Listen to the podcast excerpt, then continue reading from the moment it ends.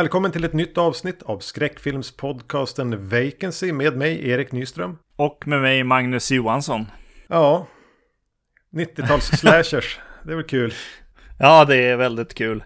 Uh, vi ska prata om I know what you did last summer-serien av filmer. Ja. Och uh, den första kom 97. Sen kom I still know what you did last summer uh, 98. Och sen tog de en liten paus. Mm. bytte produktionsbolag och allt. Eh, och eh, cast och allt. All Always Know What You Did Last Summer eh, kom 2006. Jag eh, läste mig till att det var planerat en eh, tredje. Den skulle väl heta I'll Always Know What You Did Last Summer som skulle komma 20, 20 ja men 00 säger man väl. Två år efter. Just det. Två år senare. Eh, och att det manuset var skrivet och planerat men det blev framskjutet, framskjutet tills de bara la ner tanken på det. Och sen det tog väl någon annan över IPn och, och den här berättelsen skrevs istället. Mm. För i ursprungsversionen så skulle ju naturligtvis eh, Jennifer Love Hewitt vara med och, och, vem det nu mer är som Freddie Prince Jr. De överlevande. Eh, yeah. Jag satt faktiskt idag och eh, letade efter originalmanuset go försökte googla ja. efter det, för jag blev lite nyfiken på vart de hade tänkt ta vägen med den. Men ja, jag hittade det på Reddit, men jag lyckades inte klicka ner det. Ah, okay. eh, var på ja. jobbdatorn också, så jag ville inte gå bakom allt för, in på allt för många suspekta.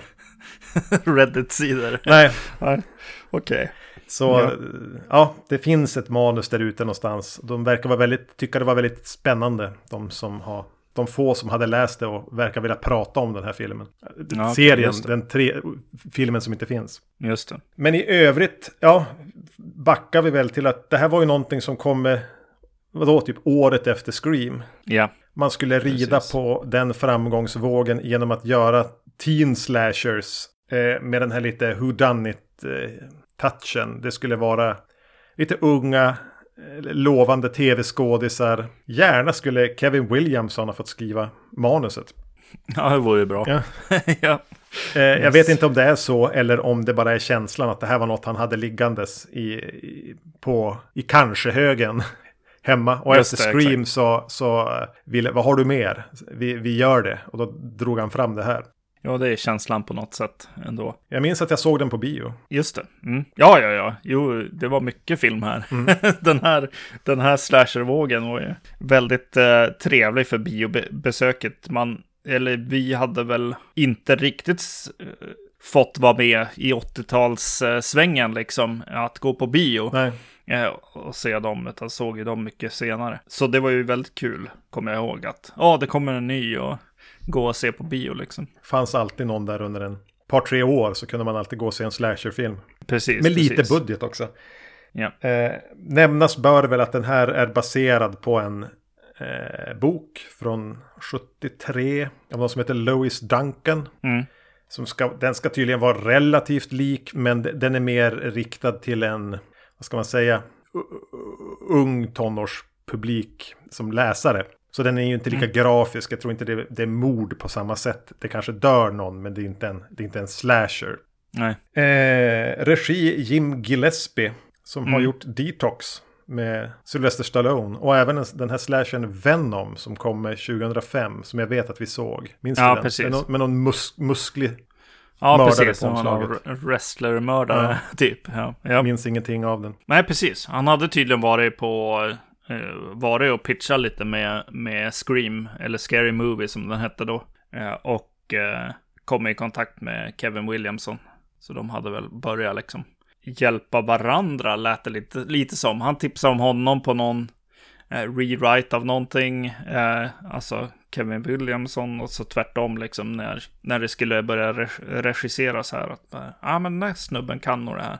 Det var, var, var nog så de, de eh, fick varandra eh, in på den här filmen helt enkelt. Jag eh, slog på kommentarspåret, jag tror jag såg tio minuter eller någonting. Och yeah. kunde konstatera att Jim Gillespie är väldigt, väldigt mycket skotte. Det var nästan ja. svårt att förstå vad han sa. Ja, exakt. Ja. Det, är lite, det, är väl, det är väl charmigt. Ja, men alltså när man tittar på vad han har gjort, alltså, både före den här och efter den här, så kan jag säga att tillbaka tittningen den här gången var, var lite så här, okej, okay, hur ska det här gå? Jaha, ja. jag minns den som lite så här storslagen och, och så. Vi får se hur det här går egentligen. Mm. Han hade bara gjort lite kortfilm och efter så har han ju bara gjort liksom, ja, Detox och, och Venom. Tog aldrig ja. riktigt fart, hans karriär. Nej. Innan jag beskriver någonting om handlingen kortfattat så vill jag ändå bara säga det att jag har alla de här tre filmerna på en, i en DVD-box. Och nu är det inte så att jag har tänkt ge bort den. Men jag vill däremot slå ett slag för den lyssnare som gav den till oss. Jag vet inte mm. om du minns det. Jag tror att det var, det var samma lyssnare som gav, äh, gjorde den här äh, crowdfundingen. Ah, och okay. presentkort Just. på Systembolaget. Japp. Skickade även med två DVD-boxar. Där det här var den ena och Urban Legends-trilogin eh, var den andra. Just det. Så det är de jag sett. Det är ganska fi det, fina DVD-utgåvor. Det är kommentarspår på alla tre filmerna. Om man nu vill mm. se det. Och det är väl ingenting att anmärka på transfer eller liknande. Ja, precis. Jag, eh, vad, vad, var det som kom nyligen? Jo, eh, Lovers Lane va? Mm. Eh, från eh, Arrow. Och då kom den här 90-talsvågen eller ja, det blev ju 2000 eh, också. Men eh, den kom tillbaks till mig och jag bara ah, gick och klickade hem flera, flera serier och filmer och sådär. Så det är väl något som återkommer liksom. Eh, däribland eh, Urban Legend of, mm. eh, såklart. Kommer ni säkert att märka av här på podden också under året kanske. Vi får se. Ja. Några ungdomar råkar köra på en man en mörk natt. Istället för att ringa polisen blir de oroade för vad det här kan få för konsekvenser för dem. Så de slänger den, vad de tror är döde mannen, i havet. Ett år mm. senare är alla plågade av eh, skuldkänslor och annat sånt man känner när man har gjort något sånt dumt. Mm. Eh, I anslutning till årsdagen så börjar någon skriva hotfulla lappar där det står Jag vet vad du gjorde förra sommaren. Mm. Det dyker upp en fiskargubbe med krok och eh, regnkläder som jagar dem. Yes. Mm.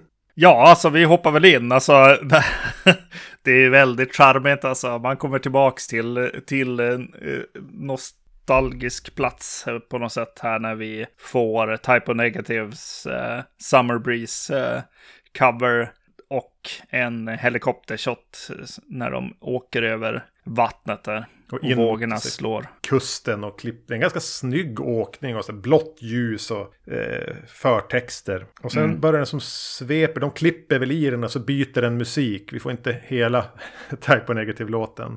Nej, precis. De byter till vad som brukar textas som suspenseful music. Ja. den, den, var sådär tyckte jag, men ja. ja. Men, men skit i det. Jag tycker ändå fortfarande om åkningen som hittar ja. den här unge mannen som sitter vid en, på en klippa här vid, vid vägen som slingrar sig längs, längs eh, strandkanten med, med en flaska och han sitter och fingrar med något, med något smycke där. Och, mm. eh, ser väldigt olycklig ut. Men kameran letar sig som vidare via klipp till en alltså, liten stadsfestival i det här lilla, lilla fiske, fiskarsamhället. Alltså, landsortshåla skulle man väl kunna mm. kalla det för. Där, de, där vi ganska snabbt presenteras för ett kompisgäng och det är en skönhetstävling. Och mm. vi, vi får lära känna det här kompisgänget, vad de står inför, vad de olika karaktärerna är för någonting ganska snabbt och effektivt presenterat. Tillbaka till stranden där de som ska fira vad, vad som kanske är deras sista kväll tillsammans som eh, gäng. För de ska splitta, de ska till olika ställen i livet. Mm. De pratar och, och, har sex på stranden och de sätter sig i bilen och någon är onykter och olyckan kommer. De slänger mannen i, i vattnet. Sen klipp till ett år senare. Ja. Hela den här första sekvensen, eh, som är ganska mm. lång, den är säkert 25 minuter, nära nog en halvtimme, ja. är så fruktansvärt välgjord. Verkligen. Det var också det som jag skrev mest om. Och bara övergångarna liksom från den här ledsna mannen. Han tittar över axeln och ser vägen. Vi får allting presenterat liksom som ska ske i det här. Eh, mm. Och så tittar han upp och ser de här fyrverkerierna och sen tittar kameran ner och glider liksom in i den här skönhetstävlingen på något sätt. Ja. Kanske klipp, kanske åkningar. Jag vet knappt, eh, utan det bara sitter ihop väldigt skönt. Ja. Mycket bra eh, genomfört här. Från, från någon som jag var lite nervös över ja. innan filmen, helt klart. Och, och som jag sa, jag tycker även den sätter karaktärerna, den typ av karaktärer man behöver i den här filmen, mm. ganska bra. Och det är ju stora namn. Ja, definitivt. Det, det ja. är eh, Jennifer Love Hewitt, det är Sarah Michelle Gellar, det är eh, Freddie Prince Jr. och det är Ryan Philippe som vid det här kanske tack vare den här filmen hjälpte väl dem att breaka lite. Ja. Men det känns ju verkligen som helt osannolik eh, fyrklöver att ha i en liten slasherfilm. Med tanke på hur stora de åtminstone var under några år kring det här. Ja, definitivt. Det, det, det, är, det är väl en av de här när man tittar tillbaks och, och kommer och återupplever den här filmen att så här, ja just det, och just det, ja ja. det är väldigt mycket, mycket eh, känt folk och eh, ja, alltså nästan mer än Scream? Ja. Det är väldigt eh, lyckosamt eh, liksom castat av de här tv-skådisarna. Till och med så snubblar du förbi en så lite creepy karaktär som är lite småkär i är det Jennifer Love Hewitt han är lite intresserad av. Just det. Som är mer en liten, en liten kuf. Och det är ju väl, om jag inte såg fel, är det han från, eh, vad heter den? Inte tredje klotet från solen, utan Big Bang Theory. Han som spelar huvud. Ja, precis. Hur, han som jag alltid har tyckt är lite obehaglig. Ja. Även i den serien. Har jag, jag har bara sett ströavsnitt, men jag har aldrig gillat han. För jag tyckte att han har ha något lite så här övergrepp över sig. Just det. Um, ja, in, du gillar han inte ens som sonen i ett, per, eh, ett päron till farsa firar jul, eller? Ja, just det, det där är med. Förmodligen har han någonting så här ofred, en ofredande redan där. Jo, men precis. Då, men då kanske de har castat i en roll som passar han bättre här då. Eh, som någon slags översittare eller liksom lite bull, eh, bully. Ja. Eh, mm. Max heter han ja. Max ja. Ja, alltså nu pratar vi om de här skådespelarna och de här rollerna och så vidare. Eh, det som jag kände när jag såg den nu var att, vet du, vad heter han, Ryan Phillip, eh, att han inte riktigt är helt där, helt stabil i rollen. Eh, det känns som att han satsar, men lyckas inte riktigt få fram en karaktär, utan han får fram det som är skrivet för dagen. Han, han, kan, han, han vacklar fram upp och ner liksom, eh, men det kan vara att han har mycket väldigt mycket dialog också. uh, han får dra ett ganska stort lass här i början och just hur han går mellan olika känslor hela tiden gör att det blir svårt att riktigt se ett, en röd tråd i hans roll på något sätt. Särskilt i början. Men sen, sen kan vara lite hur den karaktären är skriven också. Det är ganska otacksamt. Ja. Han framstår ja, inte som speciellt sympatisk. Nej, exakt. Nej, nej. Även om det kanske inte är nödvändigt heller, men det blir lite yxigt. Och där är det en helt, helt annan känsla eh, med eh, Jennifer Love Hewitt som känns som hon har jobbat in hon har skapat en karaktär och, och spelar den rakt igenom på något sätt här. Eh, till och med när hon ska ha lite konstiga balanser också i och för sig, men med så här att hon ska balansera lite så här stramhet och vara lite less eh, på folk, en plugghäst på något sätt här. Vill bort eh, från dumskallarna i små eh, byhålan på något vis. Ja, precis, alla bröliga killar och sådär. Men att hon också kan hänga med vara glad, dra ett sexskämt själv också. Mm. Sen tycker jag, om jag bara ska nämna det om Jennifer Love Hewitt, att när filmen kommer in i andra akten, när de som bara går runt och är deppiga och blir stråkade, ja. då är hon fan inte bra. Nej, hon blir, blir väl lite sämre där. Ja. Men det... det är som att hela filmen blir avgjort sämre eh, under den andra akten. Det här är sån tydlig treaktare på något vis. Mm. Alltså just när de bara ska gå runt och få lappar och försöka snoka runt. Ja, men vad hände det? Vem var det vi körde på? Vad, är, är, överlevde han? Mm. Eller är det någon som vet vad vi gjorde ändå? Den, den, den, den har något slött och det känns väldigt tv helt plötsligt. Eh, hela det här lite sömniga mittenpartiet. Mm. Men innan vi kommer dit vill jag bara gå tillbaka till den här smått briljanta första segmentet av, av filmen. Yeah. Som är så jävligt lovande. Yeah. Det stör mig att han lever på bryggan. Just det. Yep. För där skiftar precis på något vis det de har gjort. Mm. Det var en olycka att han dog. Det var kanske inte bara deras fel, även om de var vårdslösa såklart. Han vandrade ut i vägen lite märkligt. Men det var en olycka och de tänker vad spelar det för roll? Han är död. Om vi slänger den i vattnet och han hittas om tre veckor och vi kommer undan eller om vi säger vad som hände. Ja. Det är en sak. Mm. Men när de upptäcker på bryggan att han lever och tar tag i någon av dem och de liksom slår till honom och puttar ner honom i vattnet. Ja. Då är det ju mord. Ja, precis. Ja. Det förändrar liksom tyngden på vad det är de gör helt och hållet. Ja. Och det, ja.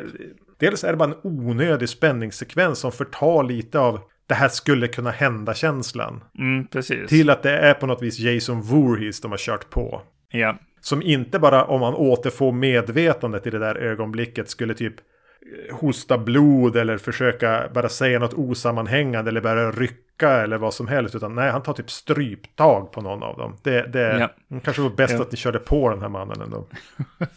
det, ja. Den skaver den lilla detaljen den är onödig. Vad ja, tänker du, precis. vad är syftet med det? Är det bara för att få till en liten spänn, alltså en stinger där? Alltså det ska, man ska hoppa till. Ja, det är väl ett spänningsmoment, men man kanske också ska få en extra känsla av, ja, det ni gjorde förra sommaren. Mm. Eh, att så här, ja, men de körde bara på någon.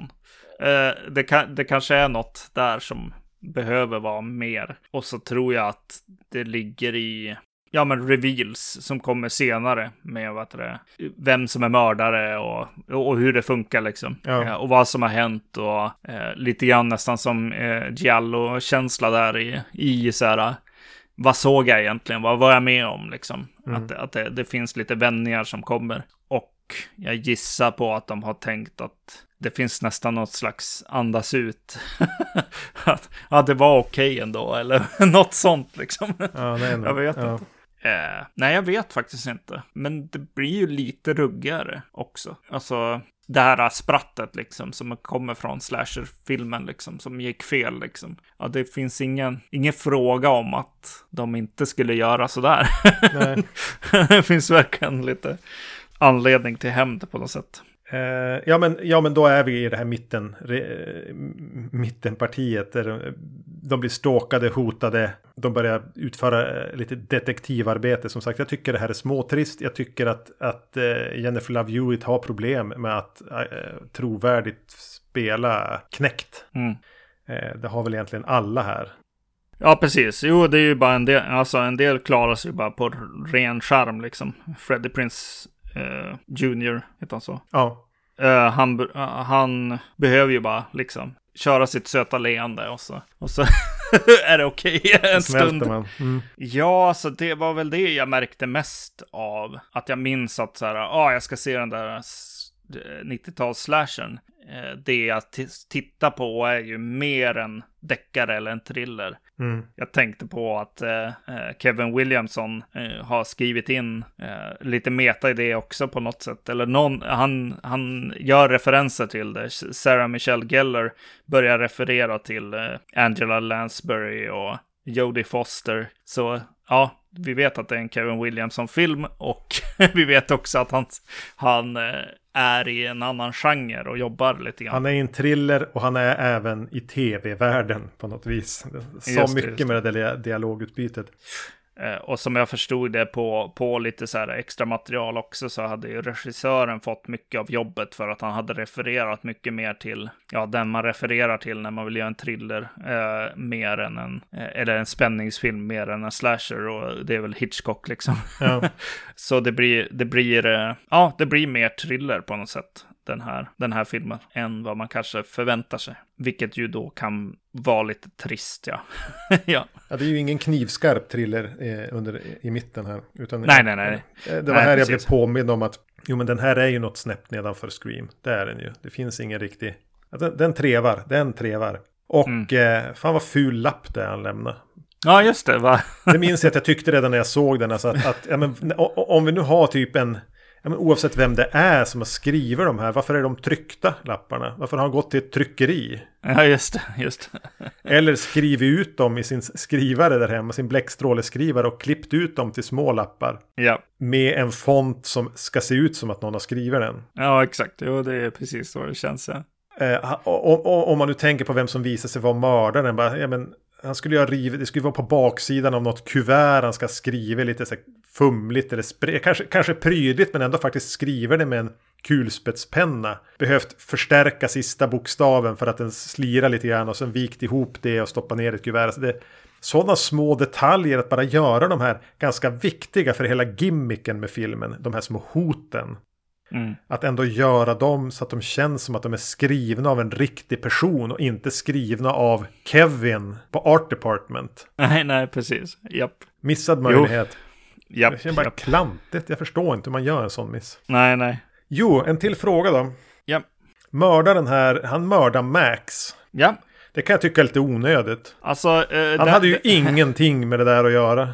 Det är fruktansvärt orättvist. när den scenen börjar, när Max ska bli dödad, så känns det väldigt tydligt först och främst att nu ska han dö. eh, Och hela stämningen liksom byts ut. Nu ska det bli spännande, nu ska det bli slasher. Mm. Det är en liten halv, halvbillig reveal där av, av mördaren. Jag reagerar väldigt starkt på den scenen. Jag bara, vad va, va händer? Vad va är det här? Eh, det är som att det inte känns som del av filmen. Och eh, där var också saker som jag såg i, i, i, extra materialet. Att så här, ja, det var ju en reshoot som de hade gjort eh, för att sätta någon nivå egentligen bara på att så här, ja, hotet finns där, det är farligt och om mördaren kommer nära de här personerna så kommer det hända det här stora blodiga saken. Eh, för de hade ingen stor blodig sak i filmen egentligen. Nej. Och eh, så de, de la till den helt enkelt. Så Max skulle väl inte dö då. Eh, det här är väl egentligen samma sak som, som det vi var, eller ja, fortfarande är lite sura över med, vad heter den, When a Stranger Calls, re remaken som, som ju också var en slags thrillerkänsla, liksom mer än, en, en spänningsfilm snarare Mm, än en, en eh, skräckis liksom. Eh, och då, då la de till lite mord där i början. Eh, som, ja, Så där är en reshoot också när hon eh, är ute och kör i sin bil och hör skrapande ljud och öppnar bagageluckan och han ligger där i bak, bakluckan full med krabbor. Visst är det Max som ligger där då? Jaha, just det. Ja, det Och hon springer och hämtar sina kompisar och då är all, alltså bilen har stått på en gata mitt på ljusa dagen med bakluckan öppen dessutom. Mm. Ja. Och i den Ja. ligger ett lik och massor med krabbor som har käkat lite på honom. Hon springer Ja. iväg, oklart hur långt. De kommer tillbaka en kvart, 20 minuter senare. Det är inget spår av någon i bakluckan, det är inget spår av några krabbor.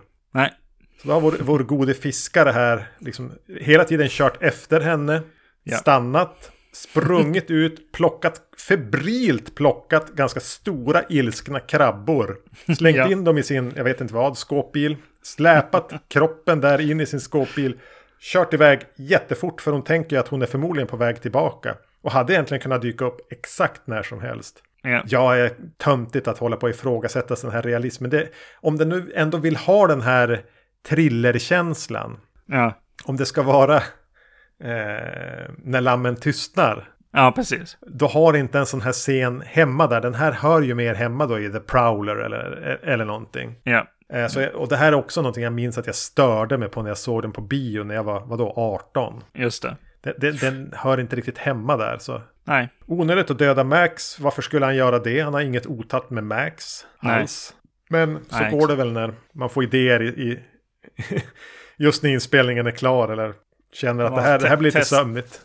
testscreenare.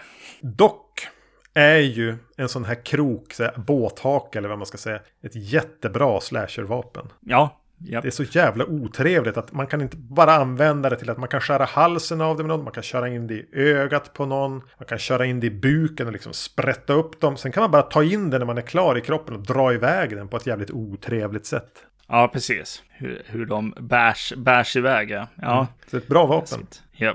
Eh, ja, Ja, man tar även in Anne H för att försöka få liv i det här sömniga partiet som en skum syrra till den de tror var den de körde på. det är ju eh, en klassisk scen på något sätt.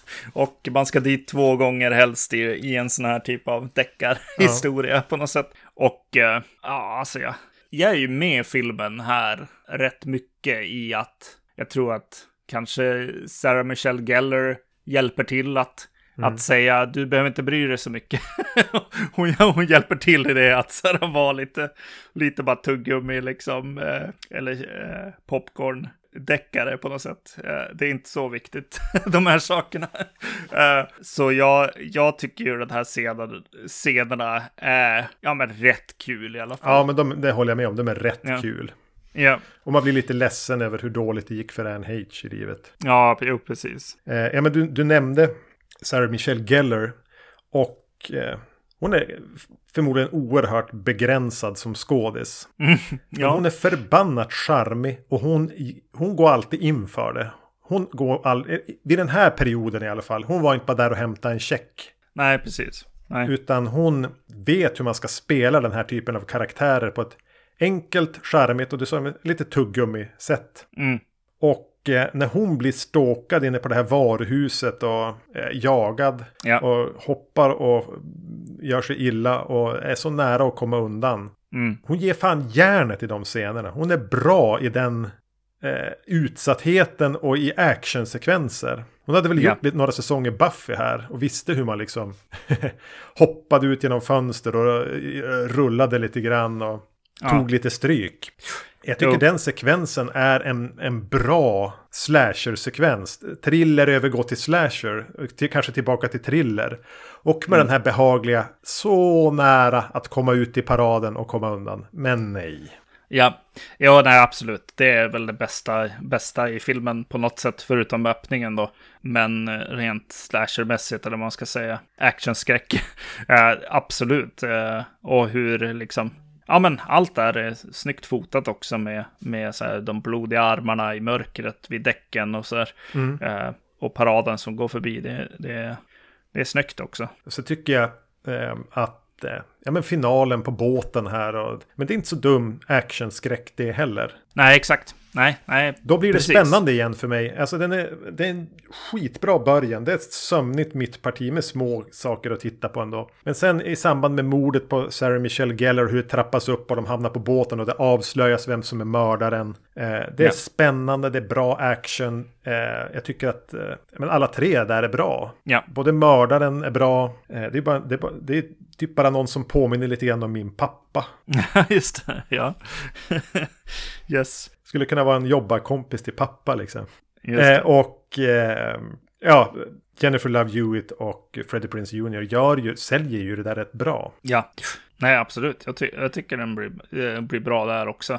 Ja, i övrigt så, ja precis. Jo, det är väl mittenpartiet. Det är, väl, det är där jag skriver min kommentar om att så här, jag börjar räkna liksom. Eh, undrar hur, mycket, hur många meter räls de har de har lagt för den här kameran liksom.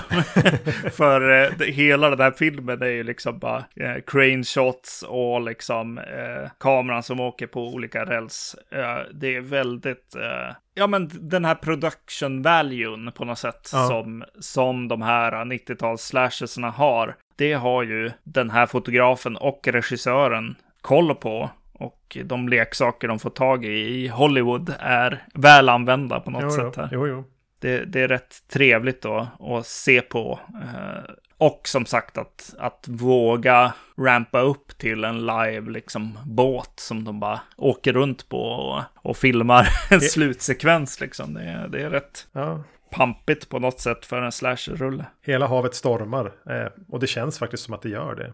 Ja, exakt. Ja. Innan vi lämnar den, eh, mm. visst spåra mördarens hämnd ur lite grann. För grundstoryn är att mannen som sitter där och ser deppig och, och på piren i början, eller vi, vi, har inte, inte en pir, men eh, i, i intro svepande åkningen. Det är ja. den här David Egan de pratar om. Anne H's ja. bror. Som ja. sitter där och är deppig för att han något år tidigare körde rattfull och körde ihjäl sin fästmö. Ja. Han blir förmodligen just efter kameran har åkt därifrån mördad av eh, Ben Willis heter han. Fiskargubben ja. som då var pappa till fästmön. Han hämnas ja. på den som med sitt eh, risiga beteende hade ihjäl hans dotter. Fullt rimligt ändå. Ja. När han har gjort det och är på väg hem eller vad han nu gör så kommer ju då våra, våra protagonister och kör, kör på honom. Slänger ner honom i vattnet som död. Mm. Och han tänker, när jag ändå är en hämndängel så kan jag ju lika gärna fortsätta och hämnas Ja. på de här som råkar köra på mig. Ja, Det är någonting så väsensskilt i att, att en, en, en sörjande far hämnas sin döda dotter på den personen han ändå rimligt lägger skulden på. Mhm. Men att han då sen bara liksom av bara farten skulle fortsätta och hämnas några som kör på han.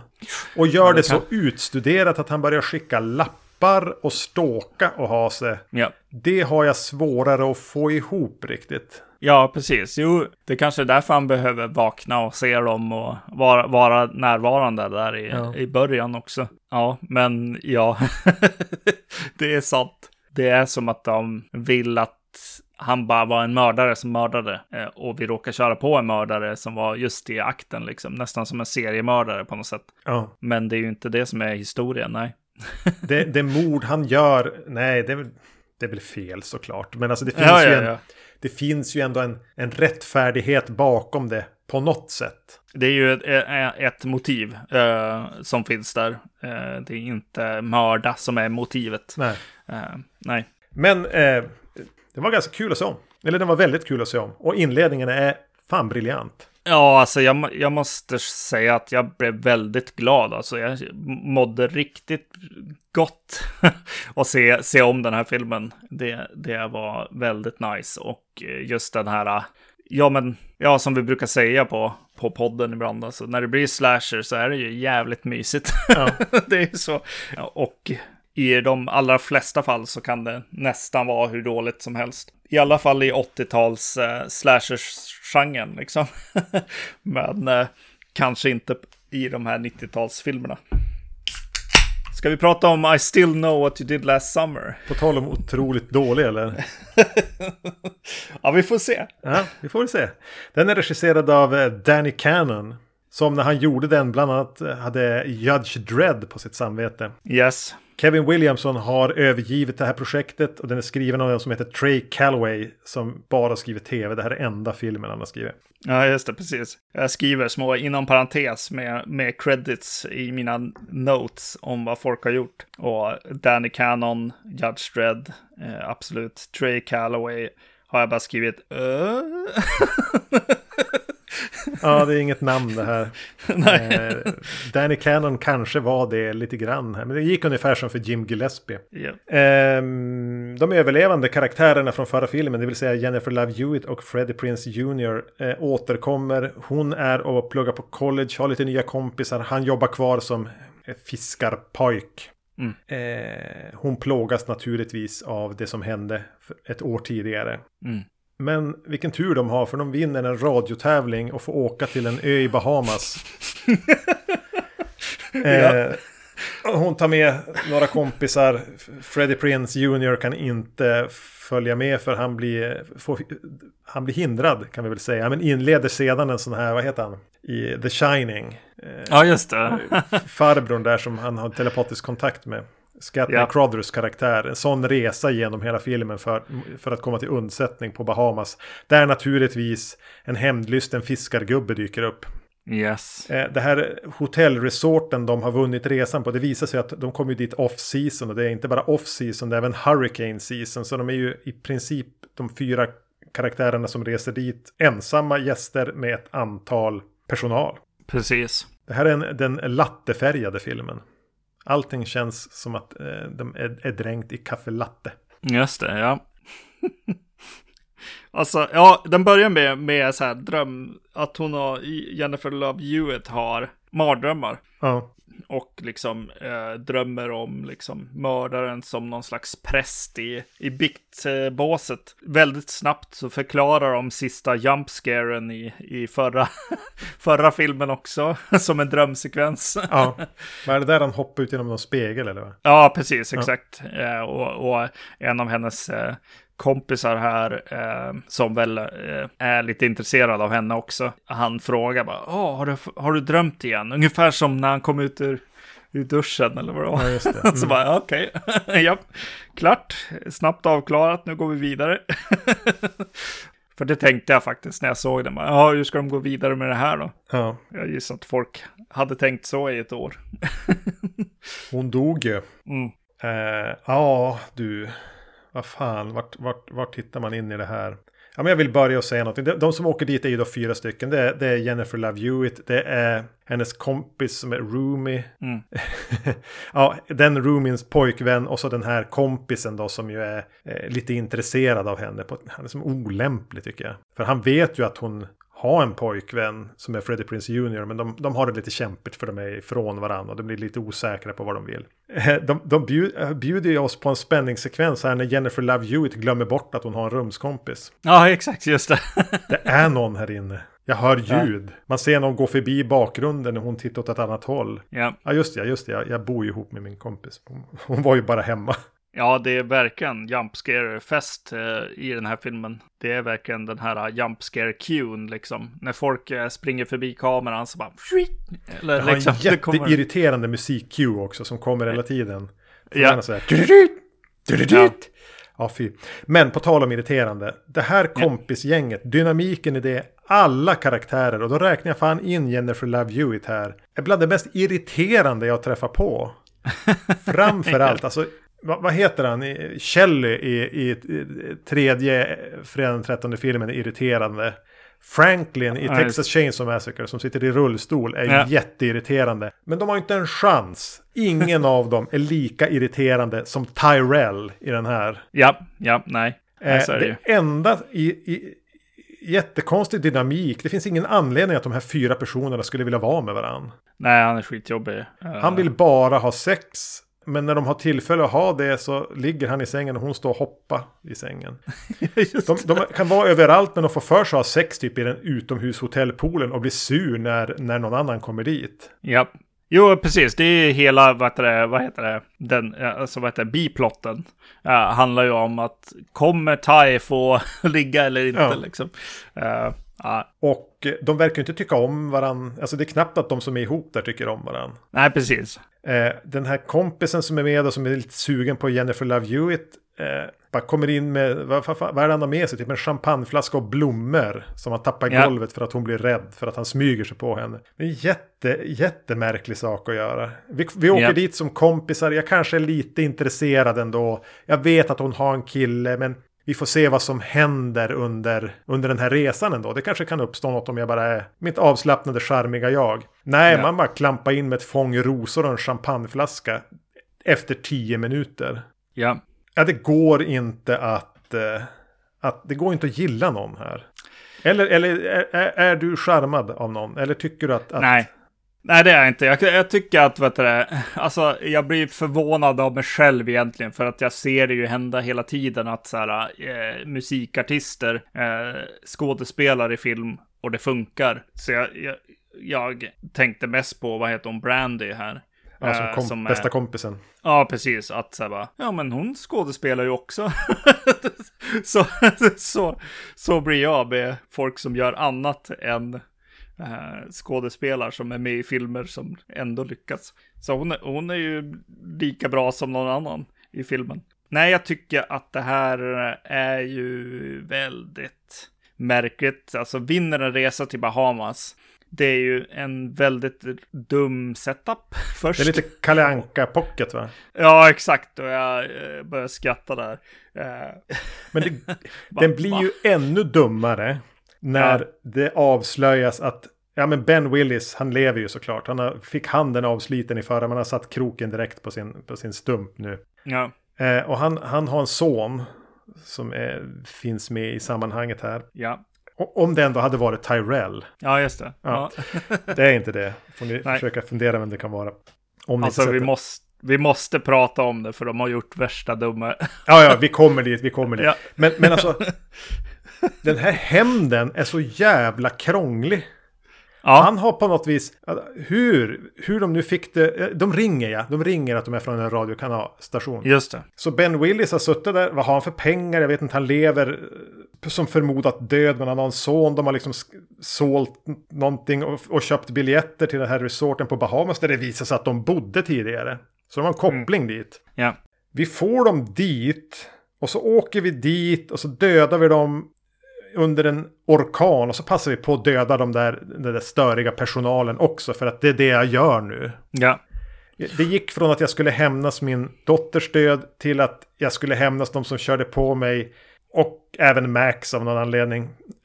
Och nu ska jag bara döda allt i min väg. Alla som råkar befinna sig på den här ön. På Bahama, ja. den här ön i Bahamas. Ja. Det är så jävla krångligt. Det här är så här Voldemort-nivå. I att göra en enkel sak svår.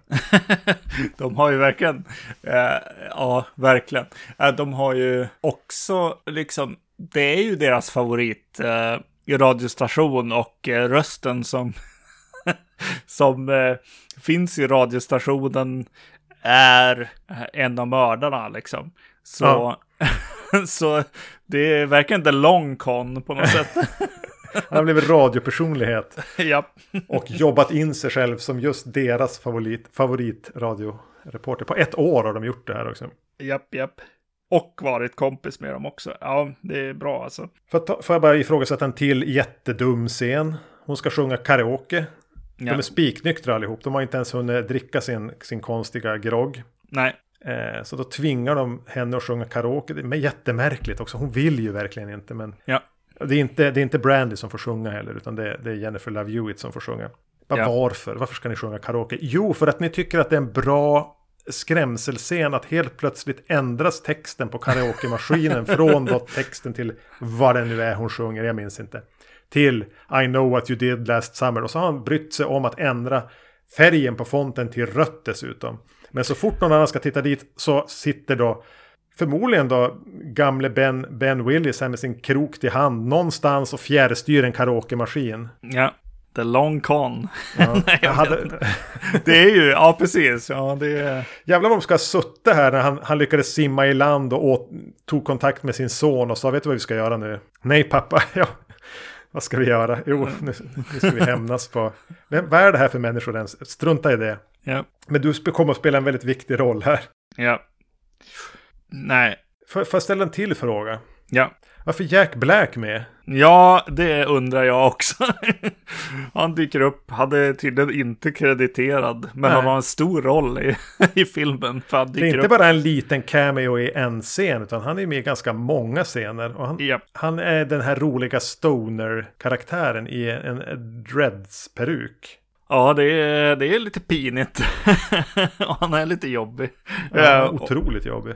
Ja, men det är ju det här som är Alltså Bahamas, när jag hörde det så bara, sätt inte dina slasher-filmer på tropiska öar, paradisöar.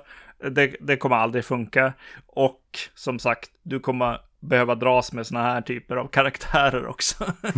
som är liksom, nej, det här är lite pinsamt. Men ja. ja Jeffrey Coombs är ju med som, vadå, är han portier eller någonting? Just det. Fan paja han är. Ja, precis. Och han kommer in och så här tuggar liksom scenerierna tycker han kanske. Eh, efter att det just har kommit en liknande scen med Jack Black. Och sen så bara dyker upp mer och mer sådana eh, sekvenser med annan typ av personal som bara är konstig och jobbig att se på. Det är ett jäkla eh, långt steg från första filmen här. ja, det här är en jävla röra alltså. Det är en ja. riktig... Ja. Vi kan pröva en annan metafor. Det är en riktig soppa. Och hela tiden så kämpar sig Freddie Prince Jr. för att ta sig dit. Typ han, han, han har gipsad arm. Mm. Han, har, eller, han har inte hela tiden tror jag. Ja, jag vet. Nej, oklart. Ja. Men han, han hotar någon typ, att, att, köra dit i full storm. Och, för han vet att något är fel. Jo, han har ju träffat på fiskargubben som har försökt eh, hindra honom från att ta sig dit. Just det. Halvhjärtat. Ja, nej, jag vet inte. Det, det, det är en jobbig aspekt också. Är ju att det finns bara en person det kan vara. Hela tiden också. Uh, första filmen har väldigt många sådana där, uh, stanna, stanna kvar en liten sekund till och så får en karaktär titta sig runt lite så här shifty eyes och bara är det jag mm. som är mördaren? Men den här har ju inte det. Det, det är bara en eh, kille det kan vara. I alla fall när jag såg den så bara, ja ah, okej, okay. det är en kille som säger see you later, jag måste springa iväg. Ja, ah, jag måste ja. gå. Uh, som, som alltid är på egen hand medan alla andra är ihop. alltid. så bara, okej, okay, det är nog den där snubben. Det gör ju inte filmen bättre. det är Nej. ju verkligen bara jättetrist där. Uh, ja, det är verkligen, uh, ja, Will is taking a walk. Och många dör direkt han gör det. ja, jag vet inte. Uh, ja, nej, den är, den är ju tyvärr irriterande mest småtråkig. Är man på riktigt rätt humör kanske man kan uppskatta det här som bara en, en, en, en kalkon. Ja, precis. En röra med typ Jack Black av någon anledning. En karaoke-sekvens av någon anledning. Bahamas av någon anledning. Just det. Att, i, äh, att kunna uppskatta bara det här lite kaoset. Mm. Äh, jag tänker lite grann som menar, 2006-remaken på Black Christmas. Ja, just det. Kan ha lite det här med att det här är ju inte bra, men det, det är så jävla stökigt och, och, och mischmaschigt att, att det kan, inte när man ser den, men när man tänker tillbaka på den kan få en charm. Just det.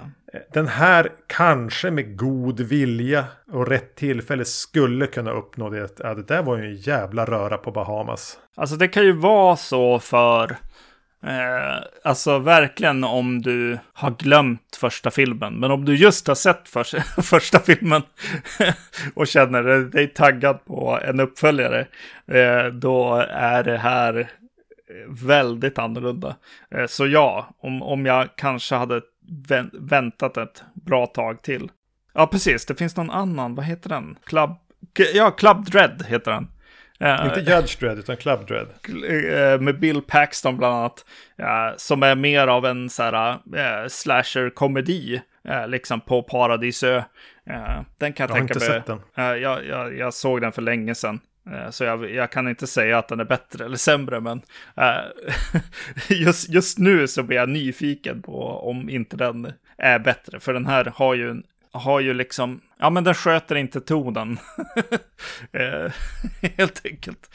Nej men, och just det här att vara instängd på det här hotellet, ett lyxhotell och bara orkanen dånar runt om och det är storm och det, du kan knappt gå ut, du blir nästan bortblåst och det regnar och du är isolerad på en ö.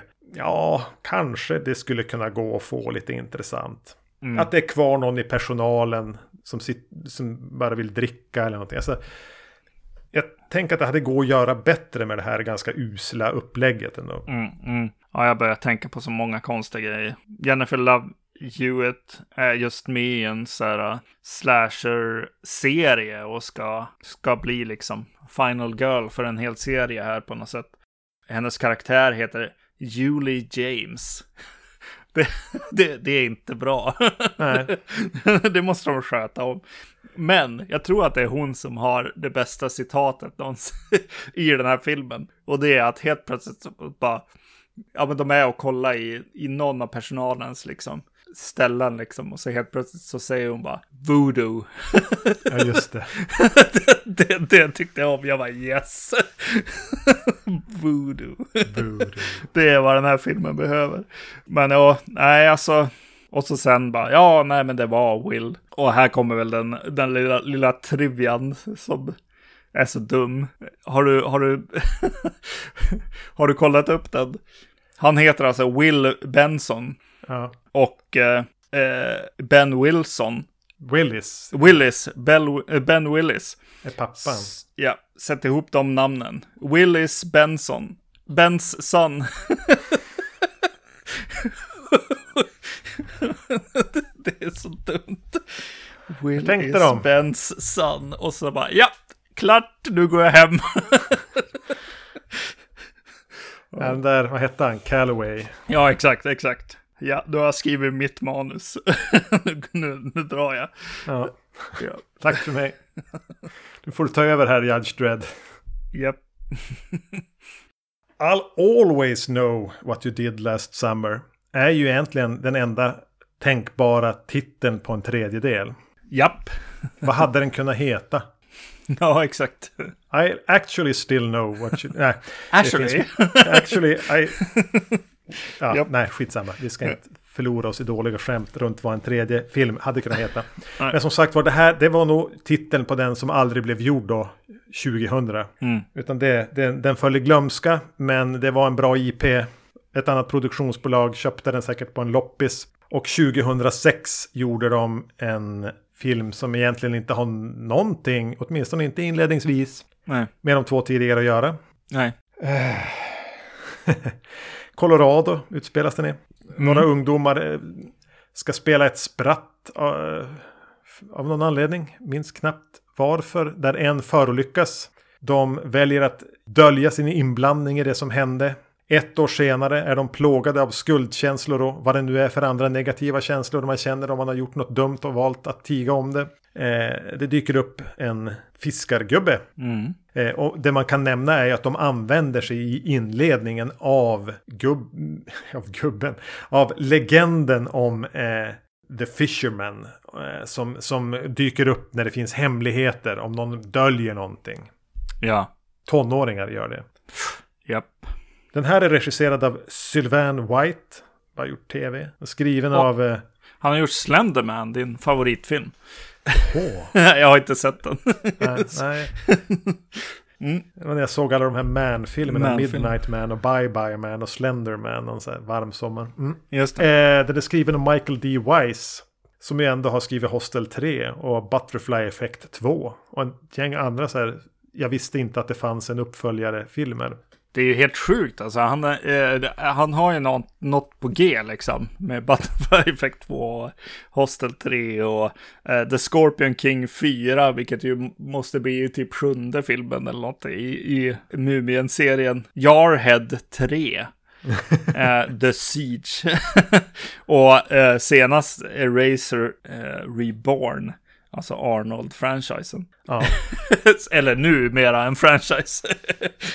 Man skulle nästan vilja höra en sån här eh, podd där han intervjuas. Ja, exakt. Ja. Michael D. Wise. Vad är det som händer? ja. det heter podden. Ja. Michael D. Wise. Om vi ska någon gång ska ha en gäst som är, är, är, är någon.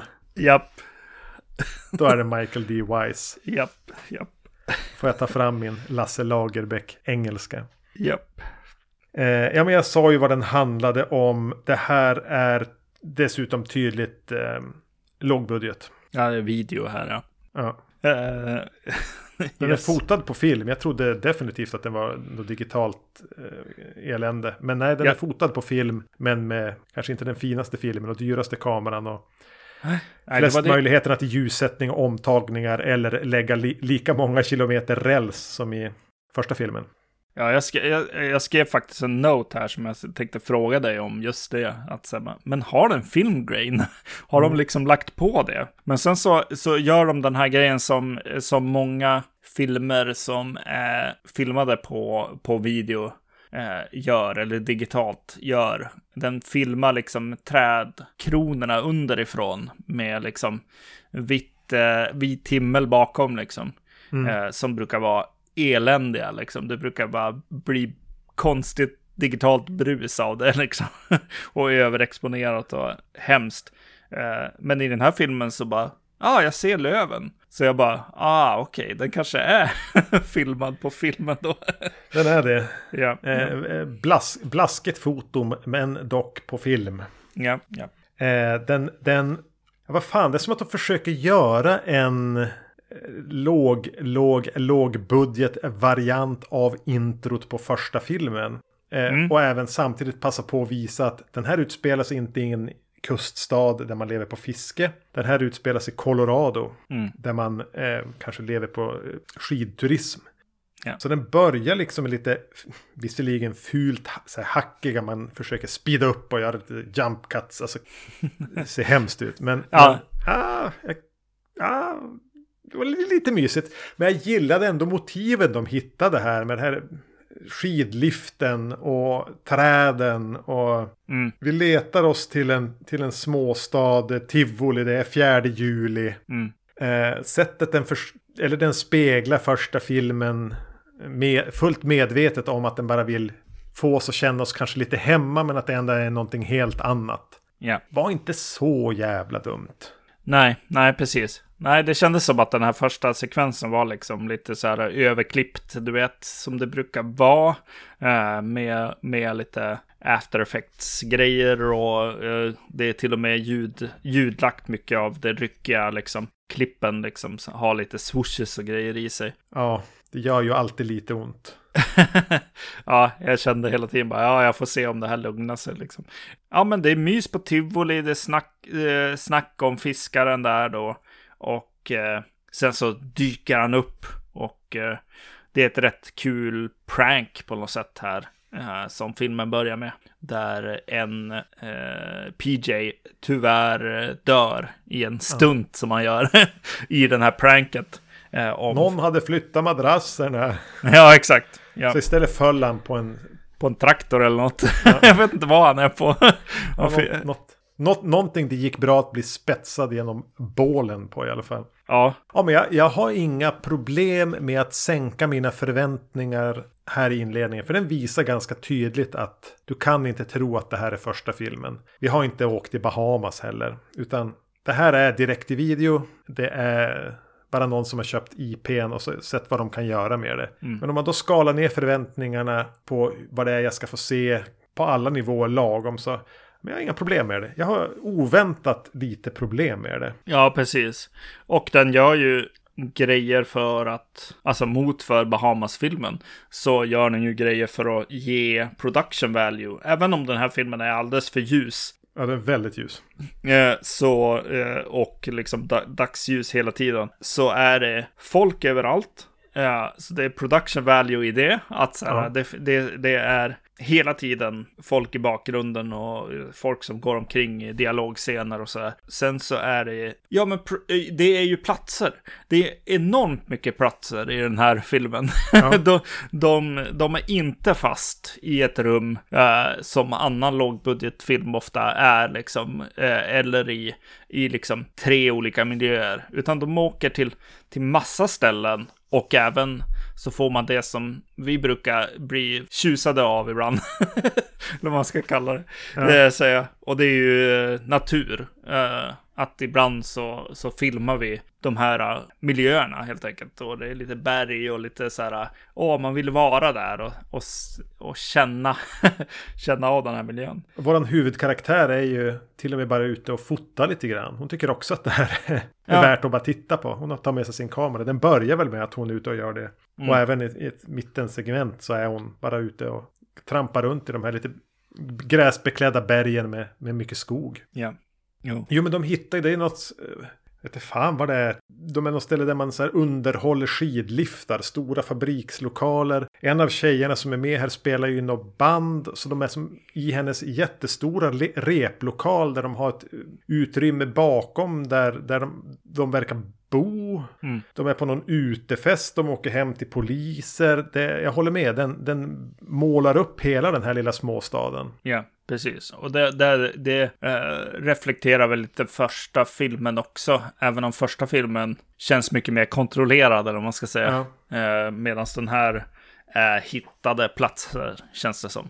De har sagt, vi kommer göra en film, uh, vi, kommer, vi kommer gå på din tomt och vi kommer vara i, i ditt, liksom, jag vet inte, betong, eh, liksom rörsfabrik eller vad fan de är i. liksom, det, det, vi, kommer, vi kommer vara runt lite i visst. Visst har alla de godmodiga byborna sagt. Det här, ja. det, det här låter ju jättekul. yes. Ingen kommer någonsin till Colorado för att spela in film. Nej, exakt. Ja, det är trevligt tycker jag, hur den rör sig. Och den här bygger ju upp det lite grann. Ett år senare så ska den som jobbar sig fram med sig datum första juli, andra juli, tredje juli, fjärde juli. Just det. Stalkingen blir intensifierad. Eh, och ja, den är ju lite tom under de här stalkingdagarna. ja. Eh, och en del av för att inte säga överhängande delen av dialogscenerna faller ju ihop.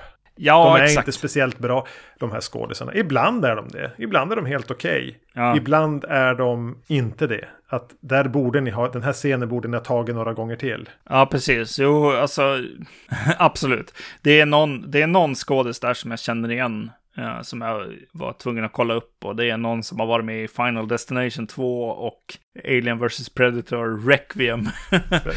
Vem var det? David uh, uh, Pat, Pat Cow? Jag vet inte hur man säger det. Men äh, den blonda killen, han, han som är liksom kanske, kanske lite Ryan Philip. ja, just det, han som, blir, han som går på kryckor sen och hugger ja, i foten. Ja, exakt, exakt. han, han kände jag igen. Och eh, ja, jag vet inte. Det, det är något som ja, funkar med den här crewn på något sätt ändå. Alltså det finns en del som inte gör det. Alltså han som har den här sommarjobbet, vad heter det? Rod, Rogers, eller vad han heter? Roger. Mm. Uh, som... Han som tar livet av sig. Precis, som har något nå sommarjobb med skidliftarna. Vilket precis. Fantastiskt sommarjobb just. Uh, men... Uh, det är som att de har upptäckt det också, att, att han håller inte. Nej, nej. Så vi klipper bort hans scener. Ja. Absolut minimum. Jo, men just de här när de ska börja prata med varandra om så här. Åh, jag har fått ett hot och du har fått ett hot och, eh, och så. Den, de segmenten är ju lite pinsamma liksom. Men också så motför andra filmen ja. eh, i serien så eh, försöker de ju i alla fall hålla uppe något slags Vem är det? Den jobbar ju ganska hårt med det. Ja, jag var ju ganska säker när jag, jag har sett den här tidigare. Jag minns ja. ingenting. Nej.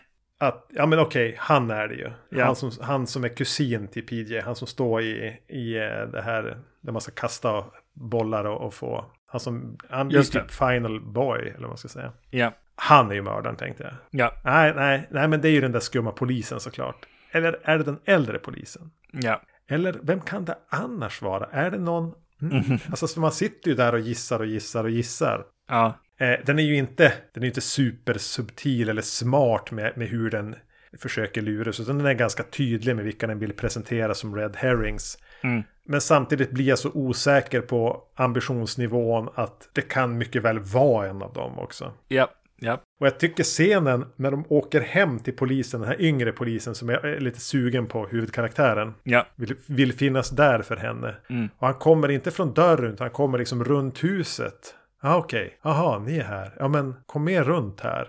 Ja. Okej, okay, vad händer nu då? Nej men då har han en massa folk där. ja. ja. Alltså sju, åtta pers. Och här trodde ja. man att man skulle presenteras för någon motsvarighet till Anne H karaktär. Ja, exakt. Ja en sån här han satt typ i en gungstol på baksidan och tittade på en eld han hade gjort eller någonting. Nej men ja. han har ju jättemånga kompisar. Ja. ja. Så den, den lurar mig på så sätt några gånger. En, en annan grej som jag, alltså, som är lite charmigt. Jag tror att det är väldigt bra för den här filmen att vara lite av en remake av första filmen också. Särskilt efter mycket, som jag har förstått det som, att det är inte bara vi som inte gillar två, äh, andra filmen, eh, utan att det var ganska dålig kritik mot den. Ja, kanske var det som sköt hela, hela en tänkt trilogi sank. Precis, och då, då, är det rätt skönt att gå tillbaka till, till originalet och vi får en, en halv remake eh, på den också liksom. Ja. Eh, alltså där de eh, lite sådana här roliga saker som den här Soon som står på någon, någon spegel i, i Sarah Michelle Gellers eh, rum. Det, det står med på ett litet annat sätt i den här filmen på, på en vägg liksom. Ja. Även så liksom, ja istället för att klippa av håret så eh, skär de sönder och kuddar i soffan som en, en tjej ligger eh, och sover på och sådär. Att vi får remixade sekvenser från, och scener från första filmen. Inte direkt så här uppampade eller extremare eller någonting, utan bara ja, men en remix. Ja, precis. Mm. Så här hade man också kunnat göra. Och musiken, även om den är lite, den är lite hårdare här, så är det ju också en, någonting som finns kvar från första filmen också. Att så här, ja, men vi tar in det och faktiskt ger en karaktär den delen också. Jag tänkte faktiskt precis komma till det att, att en av karaktärerna här, hon sjunger ju i ett band. Mm. Och eh, finalen av filmen utspelar sig på under det här fjärde juli-firandet. Där de egentligen har bestämt sig för att schappa för de förstår att någon är ute efter dem. Men hon vill göra sitt framträdande. Mm. Och eh, för det, det, spelas musik på det här fjärde juli-firandet såklart. Mm. Eh, att filmen faktiskt lägger lite kärlek vid de här framträdandena. För det är ett framträdande ja. först med någon eh, farbror i våran ålder som spelar akustisk gitarr. Ja. Och vi får ändå se lite mer av det än vad man hade kunnat förvänta sig. Ja. Den vill ändå stanna upp vid det här. Och sen kliver de på och även här att ja, men, de har på något vis lagt en kärlek på att ja, men, det här ska vara ett riktigt band. Mm. Eh, jag säger inte att jag tycker om musiken nödvändigtvis men, men det känns som att jag köper att de som spelar i bandet tycker om det. Att det är ett riktigt band. Ja. Att eh, den som har gjort filmen har faktiskt brytt sig om att få, få det här något sånär bra. Ja. Musiksekvenserna. Ja, jag tyckte om det. Man blir ju lite sur på det att hon inte vill åka iväg och hon ska, hon ska eventuellt boka några spelningar liksom i LA. Ja. Eller vart hon nu ska. Och eh, man blir först lite sur. för bara, ja men nu skulle du ju därifrån liksom. Men ja, nej jag, jag gillar det faktiskt också. Eh, jag, jag gillar att, att platsen får ta plats och karaktärerna och även den här musiken Och, Ja men det speglar på något konstigt sätt första filmen eller liksom kanske 90-tals slasher-genren på något sätt. Men att de tar in det som en, som en del av filmen. Eh, mm. ja, jag gillar det. Jag tycker att det är ganska kul att den kommer två gånger också, låten. Mm. Att, att de, trän de övar på den och så sen har de framträdandet. Så blir det som, som att så här, ja det här är vår, alltså våran låt. Alltså det blir ju lite som i en sportfilm nästan. Att så här, ja, ja, nu gör vi det liksom. Jo, men det gör att man på något vis också kan köpa varför hon väljer att jag, vill, jag måste göra det här. Ja, vi borde sticka, men jag ja. måste göra det här. Eh, ja. Lite oväntat att, man, att, man, att det ändå gör att man kan känna det så ja. pass mycket. Ja, precis. Alltså det som händer precis som första gången jag såg den här så är jag så här lite charmad av den. ja, ja, den, den liksom, den suger samtidigt. Alltså den är inte bra men den suger på rätt sätt på något sätt. ja, anledningen att jag visste att jag hade sett den här tidigare var att jag upptäckte, det här är en återkommande sägning från mig här på podden, att jag hade gett en betyg på IMDB. Ja. Det hade jag även gjort med tvåan. Tvåan fick eh, tre av tio sen ja. tidigare. Kan nog, kanske till och med att det känns lite generöst. Mm. Eh, den här hade ändå fem av, hade jag gett fem av tio någon gång vid något tillfälle. Mm. och jag vet inte om jag känner att jag behöver revidera det. Nej, nej, nej. Kanske snällt, men, men jag kan, ibland behöver man vara lite snäll. Ja. Ska vi säga någonting om eh, twisten då? Ja, ja alltså.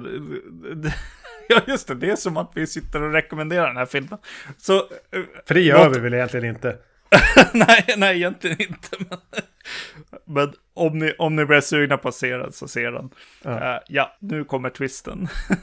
det är samma mördare som i de två tidigare. och... Han är typ wishmaster eller någonting. Ja, precis. Och uh, uh, här har vi ju gått och blivit Jason Voorhees zombie. Ja. Alltså det är jättebra. det, jag, jag, tycker att den här twisten Ja, men det är precis vad som ska hända här på något sätt. Men allt annat hade ju gjort den lite besviken. Jaha, det var, det var den äldre polisen. Ja, precis. Eh, de, de står upp för, för tvåan här eh, genom att säga ja, vi vet Jason Voorhees kan inte riktigt klara sig förbi ens trean, men kanske fyran. Och så nu bara, nej, fuck it, vi, vi måste ju göra Jason zombie-mördaren liksom. Och eh, Ben eh, Willis är tillbaka här, även om han inte är namngiven överhuvudtaget faktiskt. Vilket jag tänker så här är något legal stuff. Men eh, det är ju jätteroligt att han på något vis har blivit en så här hämndande om några ungdomar gör något dumt som involverar att någon dör och väljer att tiga om det. Ja. Då kommer han. Yes. Det är som Candyman eller Nej, det är ju jättekul. Alltså det är inte vart man, alltså när man ser den här äh, thrillern eller deckaren eller äh, deckar-slashern, äh, I know what you did last summer. Och så sen ser man den här filmen och så bara yes. Vi är här. jävla berg och dalbana den här, den här eh, trilogin är. Alltså med vart den börjar och vart den slutar. Japp. Och, och var den har varit där i mitten. Mm. Och egentligen gör den inte samma resa egentligen som en fredag den 13 serie eller en, Halloween-serie på något sätt. Det är snabbspolning till liksom, nu sitter jag och ser sexan liksom på något sätt. Ja. Uh, och, och det är ju den, det de presenterar här tycker jag i I'll always know what you did last summer. Det är liksom den här man snubblar på och råkar se först. Eh, det, det, det, är den. Eh, det är inga skådisar man känner igen. det är inte... Det är inte speciellt bra. Nej, precis. Det är lite för ljust. Men jag tycker att det är en knasigt charmig film där. Med, precis som du säger, fem av tio. På en bra dag. Ja, precis. Om du gör som vi gjorde och ser de här ganska snabbt på rad, mm. eh, då kanske du till och med kommer uppskatta det här eh, ännu lite mer. För I still know what you did last summer är ju ett fiasko, eh, tycker jag. Eh, det, det är verkligen, ja, här kunde det bli någonting, men nej. och eh, I know what you did last summer är jättecharmig att se om mycket skådisar som man känner igen och den här produktions 90-talslyxen, slasherlyxen. Ja. Som, jag, som jag trodde att jag kanske bara hade inbillat mig från typ en enda åkning i Scream eller någonting. Ja, just det. Men nej, det, det, det har en, en lyxig storproduktionskänsla. Ja. Och som sagt var, det är värt att säga igen. Första halvtimmen av I know what you did last summer är riktigt bra. Ja, precis. Det är ett riktigt bra arbete. Eh, regi, foto och kanske manus. Men jag, det känns som att jag måste, måste ge den här regissören credit för det. Och sen är ju Kevin Williamson är nog en bra, bra eh, eh, författare då, eller manusförfattare. Det måste man nog ändå ge han. ja, åtminstone här. Ja. För ja. vad den är. Ja. Till viss del. Jo, men alltså att han gör det lite större än vad det ska, vad det kan vara. Ja. Med tanke på de här andra två filmerna och eh, kanske annat eh, också. Vad är, Jim Gillespie är, är kanske inte helt kassan heller. Nej, det var nog någon, någon att satsa på. Det var det nog. Men uh, han kom ju inte så långt. det är många som har jobbat med Sylvester Stallone här. Jag vet inte. Ja, han, jag menar, han har ändå gjort fler filmer än vad varken du eller jag har gjort. Absolut. Ja, men det här. Eh, det ligger ju en ganska varmt om hjärtat. Det är mycket nostalgi. Det är ändå slasher som vi, vi ju älskar. Mm. Och ja, vi har ju Urban Legends-trilogin. Ja. Det finns lite fler. Som du var inne på, Lovers Lane och några andra. Mm det kommer eh, kanske inte allt för långt bort.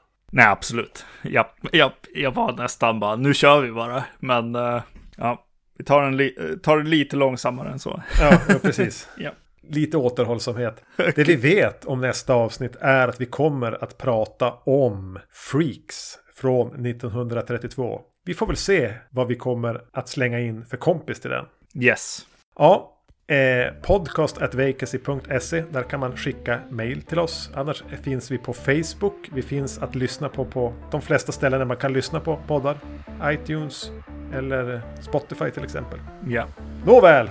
Eh, vi hörs. Hej! Hej!